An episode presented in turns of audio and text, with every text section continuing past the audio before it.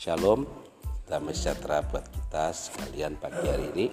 Ya, pagi hari ini kita akan berbicara tentang masa-masa penderitaan ya. Masa-masa di mana Yesus disalibkan karena hari Jumat besok kita akan bersama-sama memperingati Jumat Agung tapi ada bagian yang sangat penting yang menjadi pesan sebelum Yesus disalib yaitu ketika dia ada di satu tempat yang bernama Betania ya di daerahnya Lazarus ya, dan Maria. Nah, kita lihat di Yohanes pasal yang ke-12 Injil Yohanes pasal ke-12 saya akan bacakan buat kita sekalian ayat 1 sampai yang ke-8. Yohanes pasal yang ke-12 ayat 1 sampai yang ke-8 demikian bacaan firman Tuhan. Enam hari sebelum Paskah Yesus datang ke Betania tempat tinggal Lazarus yang dibangkitkan Yesus dari antara orang mati. Di situ diadakan perjamuan untuk dia dan Marta melayani sedang salah seorang yang turut makan dengan Yesus adalah Lazarus. Maka Maria mengambil setengah kati minyak narwastu murni yang mahal harganya lalu meminyaki kaki Yesus dan menyekanya dengan rambutnya dan bau minyak semerbak di seluruh rumah itu. Tetapi Yudas Iskariot seorang dari murid-murid Yesus yang akan segera menyerahkan dia berkata, Mengapa minyak narwastu ini tidak dijual 300 dinar dan uangnya diberikan kepada orang-orang miskin? Hal itu dikatakan bukan karena ia memperhatikan nasib orang-orang miskin, melainkan karena ia adalah seorang pencuri yang sering mengambil uang yang disimpan dalam kas yang dipegangnya maka kata Yesus, biarkanlah dia melakukan hal ini mengingat hari penguburanku.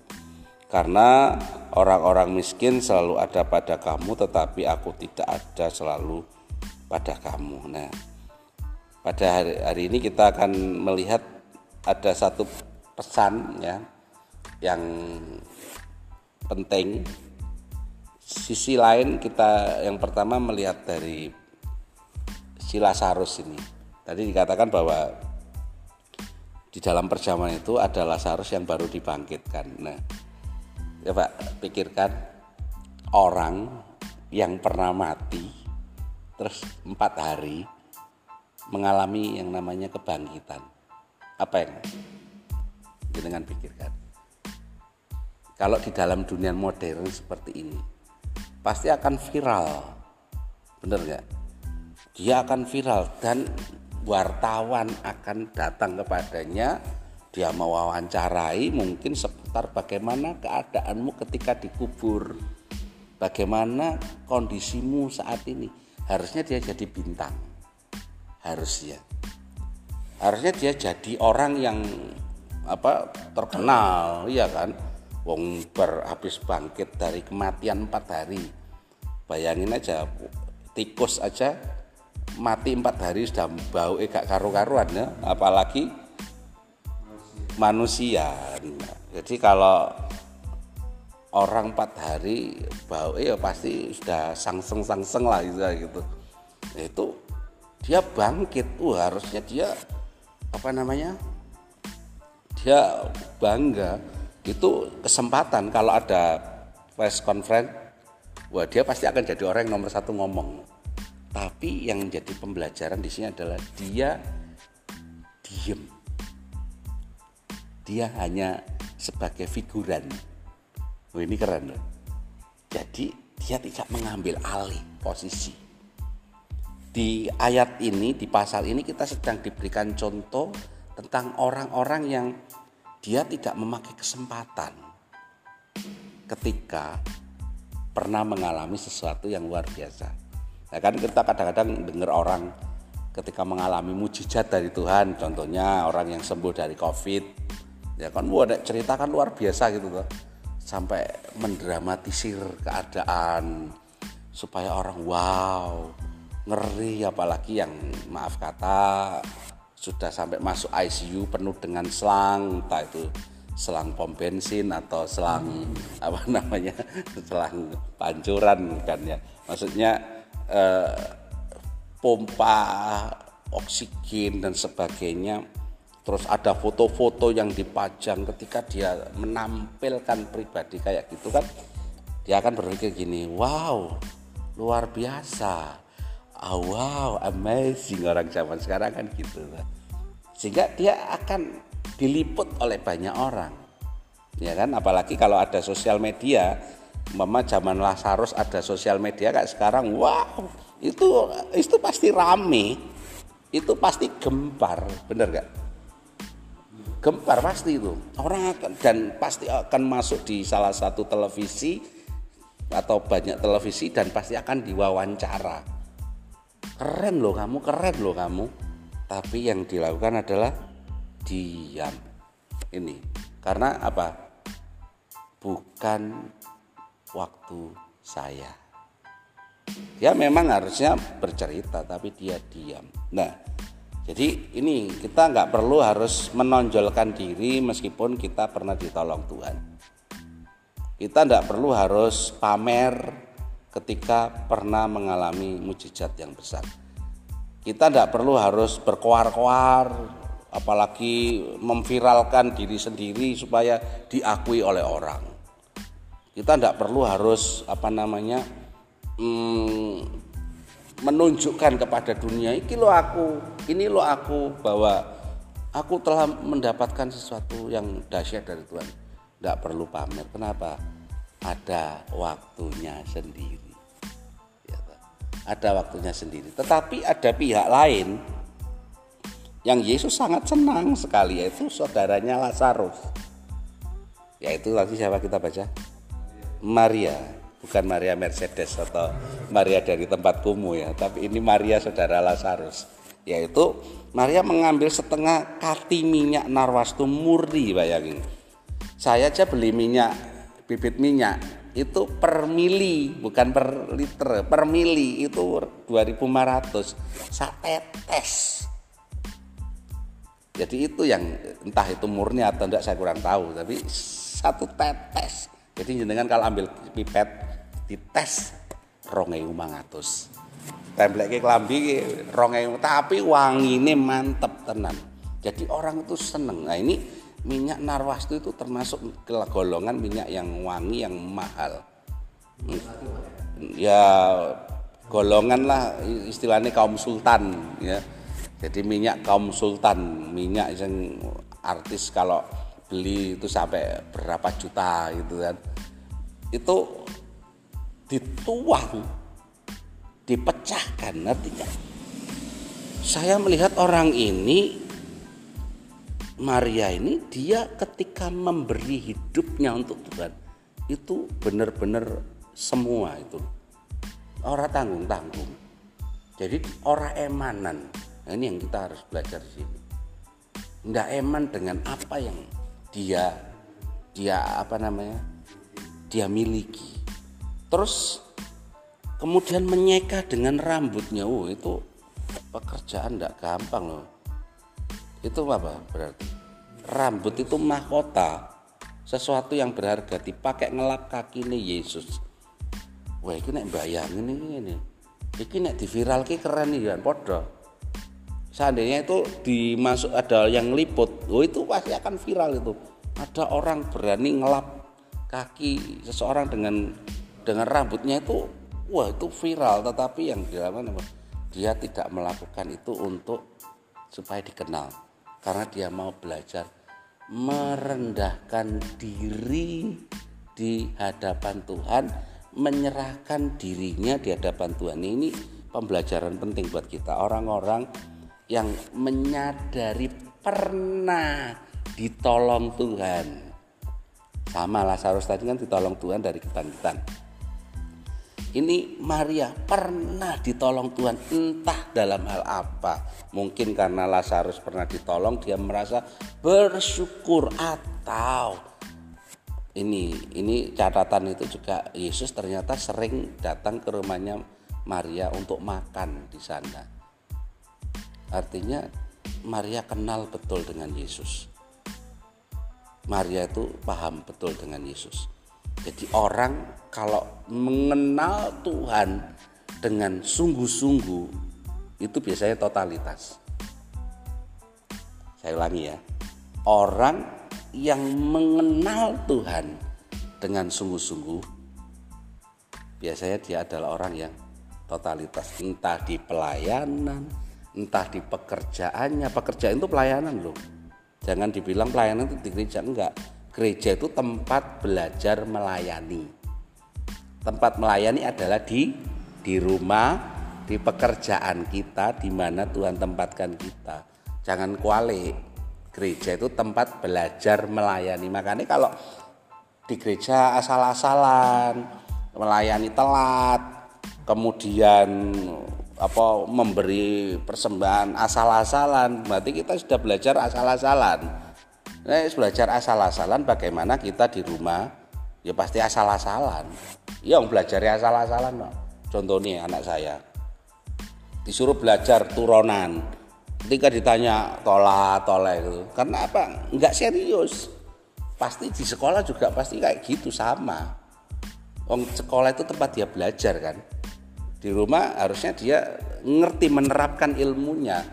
Ketika kita ada di gereja, mendengar firman Tuhan, belajar melayani, harusnya prakteknya lebih lebih baik, bukan lebih lebih buruk. Ya kan? Nah, Maria dia melakukan dengan orang bilang gini merendahkan diri. Bayangin, ya itu, itu makanya orang kalau melayani itu ngerti Tuhan orang pernah isin nyapu ngepel. Orang isin kenapa? Harusnya jadi kebanggaan. Aku punya pangkat tapi turun. Orang nggak akan ngomong ngisi sini wong gede malah orang akan respect. Gila nih orang.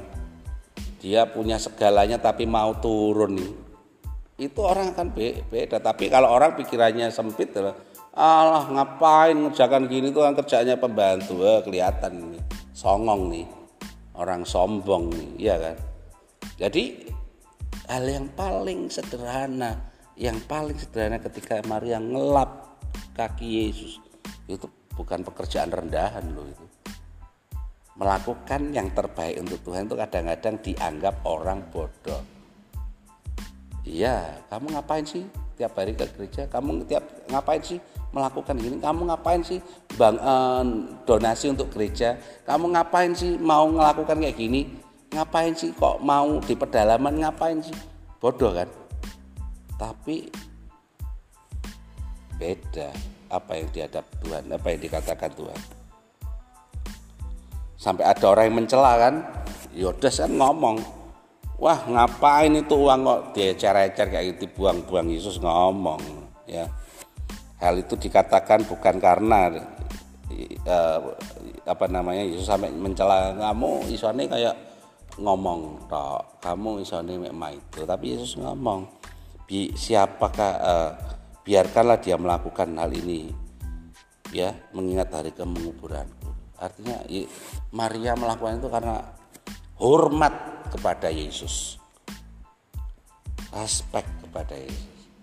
Ini loh orang kalau menghormati Tuhan orang yang mengagungkan Tuhan itu orang isin. Ingat Daud waktu habis perang melawan Goliat ya toh? Kan semua orang menari-nari. Lalu Daud nari kayak orang gila itu loh Ingat gak itu? Itu konteksnya apa? Saking senengnya, saking bersyukurnya kepada Tuhan, dia sampai nari-nari kayak orang edan katanya. Sampai istilahnya buka kelambi kelambi ini dua warna kayak kayak jenengan kalau nonton apa namanya dangdutan itu loh dangdutan apalagi sing dangdut koplo itu kan joget-joget sampai kelambi ini diuter-uter ke kelam nggak kelambenan pokoknya sing penting seneng itu kan karena dia jiwanya yang disenangkan. Tapi ini karena bersyukur. Karena bersyukur karena berterima kasih kepada Tuhan sampai dia itu nari. Sampai orang gila kamu itu nari kayak wong edan. Bersyukur kepada Tuhan. Ini kadang-kadang kalau kita bersyukur kepada Tuhan melakukan segala-galanya orang bilang gak waras om ini ya kadang ada penilaian gak waras. Dan ini yang perlu harus kita pelajari. Maria mempersiapkan perjalanan kematian Yesus sampai seperti nah kita menjelang Jumat Agung ini apalagi ini kayak sepi.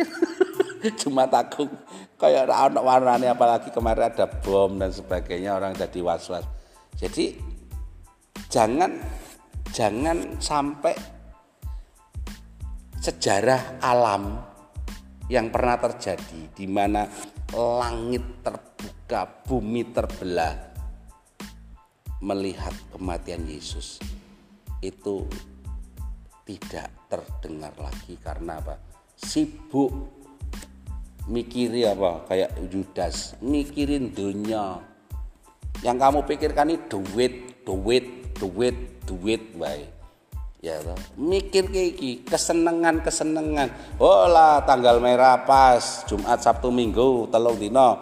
Lungo apalagi ini lagi rame-ramenya dibuka tempat rekreasi.